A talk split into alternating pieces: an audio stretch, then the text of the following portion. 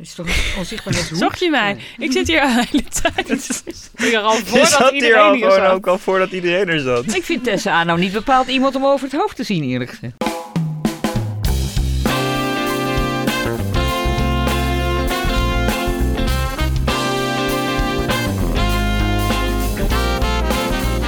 Welkom bij Trace, natuurlijk je lievelingsplek voor onderzoeksjournalistiek.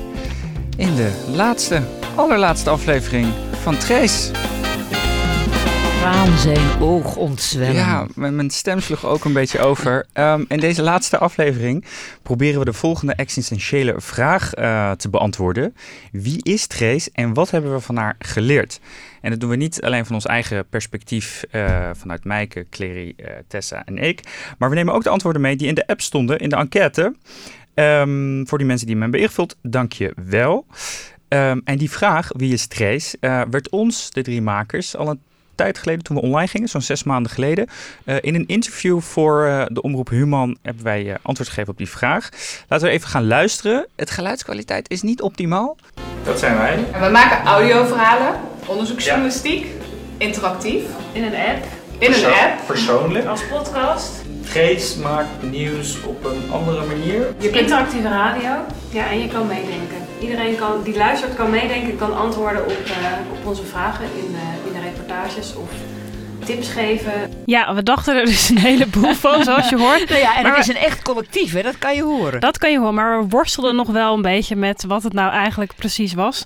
Want we begonnen als een experiment voor interactieve, persoonlijke, transparante onderzoeksjournalistiek. Een heleboel. Ja, we probeerden echt superveel wielen in één uit te vinden. Want het was ook nog eens een podcast. Wat in Nederland nog niet een heel groot ding Nee. is of was. En dan ook nog eens een app die mensen speciaal moesten downloaden. Ja, Dus ja, is laten we met- eh, hoog gegrepen. Het is hoog gegeven, maar laten we proberen met tussenstapjes daar wel antwoord eh, op te geven. En dan is de eerste vraag eigenlijk, ja, waarom waren we in godsnaam met zoveel verschillende dingen tegelijkertijd bezig? We gaan naar een man luisteren die daar een beetje antwoord op geeft, die je vast vaker hebt gehoord. For the most part, honestly, these are really, really dishonest people. And they're bad people. And I really think they don't like our country. I really believe that. Fake news. The fake news. They tell you fake news. It's fake news. It's fake. Fake news. Fake news. Fake news. Fake news. Fake news. Fake news. Fake news. Fake news. Fake news. Fake news. Fake news. Fake news. Fake news. Fake Ik snap eerlijk gezegd niet waarom dit het antwoord is op de vraag waarom we met zoveel verschillende dingen bezig waren. Nou ja, eigenlijk Trump had het dus over dishonest people. En daar bedoelde hij de journalisten mee. En die uitspraken die hij doet hè, tegen de journalistiek en fake news... die gaan best wel hand in hand met het vertrouwen dat de samenleving heeft in de journalistiek. Want ik had even naar de cijfers gekeken. CBS eh, had daarnaar gekeken. Ik heb ze hier. 31% van de Nederlanders heeft maar vertrouwen in de journalistiek. En als je dat even in de context plaatst... Even een rijtje. hè. Tweede Kamer heeft 41% vertrouwen in. Ambtenaren 46%. In de EU 43%. In de politie 75%. Dus komen er wat beter uit. Banken en grote bedrijven 39%. Dus daar is meer vertrouwen in dan in de Ja, journalistiek. dat is wel zorgelijk zeg. En zelfs de kerk, daar verschillen we niet zoveel van. Die doen het ietsje slechter, maar maar 0,7%. Niet Auw. best. Clary, wat vind jij hiervan als ras-echte journalist? Eh, Nou ja, ik, ik weet al heel lang dat het vertrouwen in de journalistiek laag is. Eh, Maar dat is ook al van ver voor Trump, kan ik jullie melden hoor. ja, Zeker. Eh, Trump is daar eerder een verschijningsvorm van eh, Ja. als zijn uitlatingen dan dat hij daar oorzaak van is. En dat heeft de journalistiek natuurlijk ook gedeeltelijk aan zichzelf te wijten. en, dat- en dat willen wij wel oplossen. Kijk, om nou te zeggen... Oplossen? Nee, kijk, dat om- gaan wij helemaal nee, niet oplossen. Luister, om nou te zeggen dat Trace het ei van Columbus is en dat wij Trump even gaan uitleggen dat de journalistiek integer en betrouwbaar gaat natuurlijk iets te ver. Maar het zijn wel onze drijfveren geweest om Trace op te zetten. En wij denken dat een van die oplossingen hierin is transparantie. Transparant zijn over je onderzoeksproces. Heeft dat gewerkt? Want we hebben die enquête-uitslagen. Jij Ja. hebt wat cijfers. Ik heb wat cijfers, ik pak ze er even bij. De enquête is door ongeveer 150 respondenten ingevuld. En jullie luisteren vooral tijdens het reizen, koken. En er was er ook iemand die eh, alleen op de wc luisterde. En zo Hey. lang mogelijke reportages wilde luisteren. Dus ik zou Mijke Spoor zeker aanbevelen. Eh, maar terugkomend op je vraag, Tessa. 96% van de mensen die de enquête hebben ingevuld... geeft aan dat Trace eerlijk is. Clary, vond jij ons transparant? Ik vind transparantie een heel moeilijk begrip. Als je weet wat we verder ook nog allemaal voor discussies hebben gehad, hoe we hebben gediscussieerd over dingen die niet zijn opgenomen, hoe we ook gediscussieerd hebben over onderwerpen en over hoe we ze zouden aanpakken, dan waren we niet transparant. Want dat hebben we niet laten horen. Maar de vraag is ook of dat eigenlijk of dat een onmisbaar onderdeel is van transparantie. Dus ik kan niet heel veel met het woord transparantie. En kunnen jullie daar wel iets mee, Mike Tessa? Hoe uh, kijken jullie hiernaar? Nou ja, als je heel eerlijk toegeeft, dan hebben we dit gesprek bereiden we zelf altijd ook wel een beetje voor. Maar dat is ook omdat dan ben ik eigenlijk de enige die daarbij niet betrokken is. ja, dus jij bent het meest transparant stiekem. Nee, ja, omdat we ook vinden van ja, je moet de luisteraar ook niet met alles vermoeien, onze ellenlange vergaderingen en dingen en zo. Maar ja, dat was wel heel erg zoeken voor ons. Van ja, wat, wat gaan we wel en wat gaan we niet vertellen over het proces. Het moet ook wel leuk zijn om naar te luisteren. We zijn ook niet altijd transparant geweest over bepaalde onderwerpen die onszelf aan gingen. Of Zoals aangaan. studieschuld? Studieschuld, inderdaad. Hoe hoog die nou precies bij ons allen ja. was. Omdat we, ja, dat is ook een afweging die maakt. Niet eens, dat wilde ik nog niet eens noemen. Hmm.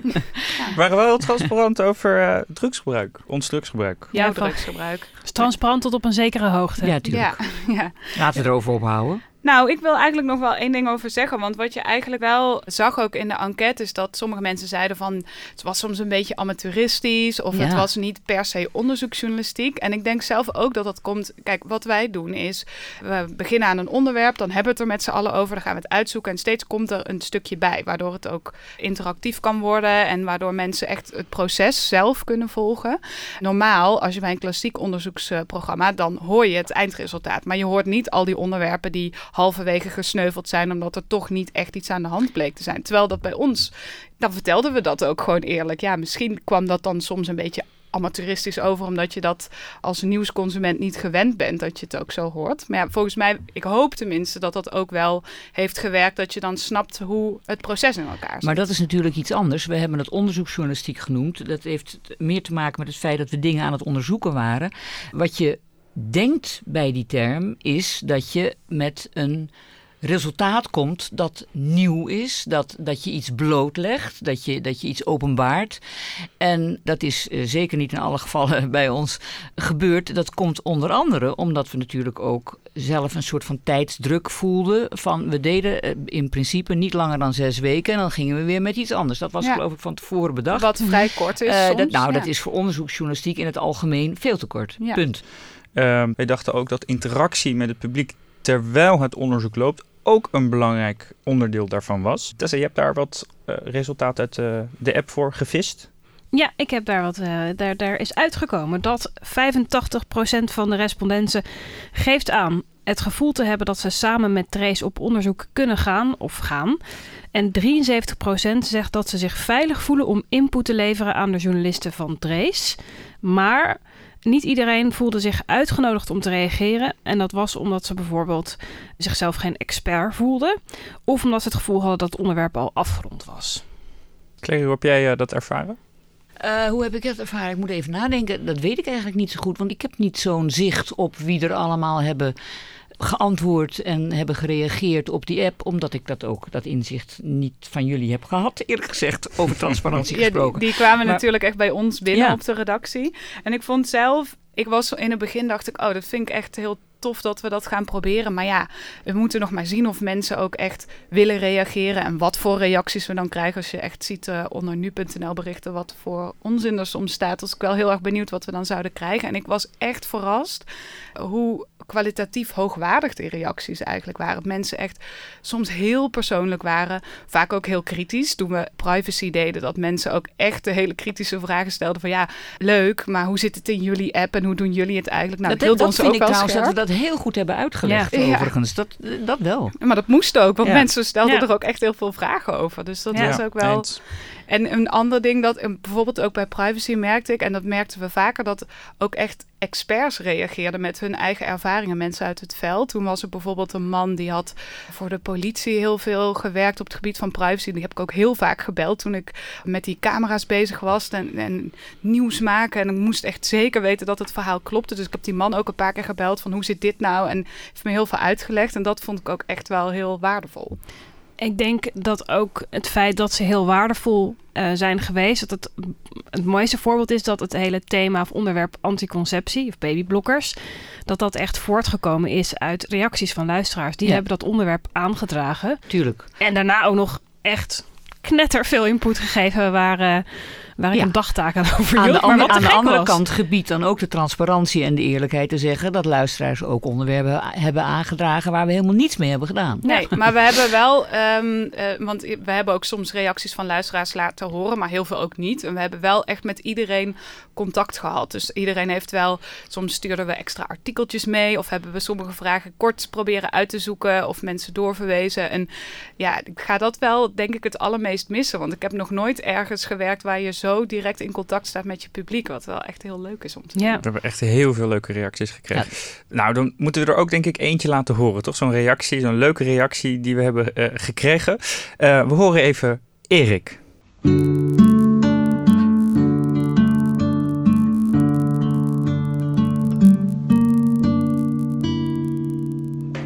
Het Trace, wat verschrikkelijk stom dat jullie moeten stoppen. Het is altijd hetzelfde met die goede programma's. Uh, nog programma, iets heel anders. Geweldig, creatief, leuk plan. Ik vind het heel erg jammer. Uh, dat wilde ik gewoon even laten weten. En uh, zet hem op. Ik hoop dat jullie nog een weg vinden dat er toch zoiets kan blijven of weer opnieuw opstarten. Zet hem op.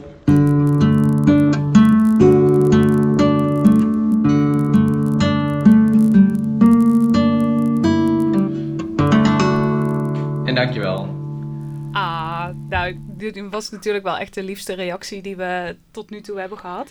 Ik wil wel meteen even erbij zeggen, kijk, iedereen was heel... We hebben heel veel positieve reacties ook in enquête gehad. Er zit natuurlijk ook een beetje een bias in, omdat mensen het invullen omdat ze bij ons zijn gebleven, omdat ze ons leuk vinden. En ja, wat ik zelf heel erg jammer vind, we hebben heel veel geleerd. Als we door waren gaan, hadden we... We staan eigenlijk nog maar in de kinderschoenen. We hadden met die interactie nog veel meer kunnen doen. Die transparantie, misschien hadden we best een keer echt een vergadering erin kunnen zetten om eens te kijken wat mensen daarvan vinden. Gewoon eens proberen. Maar ja, goed, dat, uh, dat zit er niet meer in helaas. Moeten we voor de transparantie dan ook niet, nog niet even vermelden, want we zitten nu onszelf een enorme veer in onze reet te steken. Uh, wat de negatieve reacties waren? Ja. er wordt nu heel erg nou, verbaasd naar gekeken. Nee, nou ja, vooral wat we net zeiden, dat het soms dus een beetje amateuristisch eh, klonk. Dus dat is het enige. Nou, daar hebben een paar mensen wel in de app gezegd dat wij, eh, drie, uh, Wolkan, Tessa en ik, stagiairs waren onder de bezielende leiding van ja, maar, nou, nou, ja, is natuurlijk onzin. Nou, en ik denk wat ik wel echt een heel belangrijk punt is, dat mensen soms het gevoel hadden dat een onderwerp al afgerond was. Dat ze dus het gevoel hadden van ja, jullie zijn toch al bezig. Dat we toch misschien vaker onderwerpen hadden moeten openbreken korte updates moeten plaatsen. Dat misschien niet een aflevering of een reportage hoefde te heten, maar dat mensen wel al konden reageren. Nou, dat we die ook beter konden gebruiken. Kortom, uh, we, we, hadden nog zoveel leuke dingen kunnen doen, jongens. Ja. ja. Maar ja. Dit was hem dan. De, laatste, de allerlaatste aflevering van Trace. We hebben hier met ontzettend veel plezier gewerkt. En zijn dankbaar dat we mee hebben gedaan aan dit experiment. Oké, okay, doei! Trace is van VPRO en Human. We worden gesteund door het Stimuleringsfonds voor de Journalistiek. De illustraties in de app zijn van Yara Ruby. En de muziek die je hoort is van de Raad van Toezicht.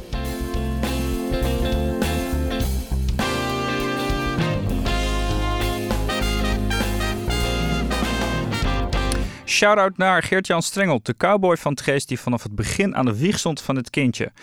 En ook een shout-out naar alle luisteraars. Dankjewel.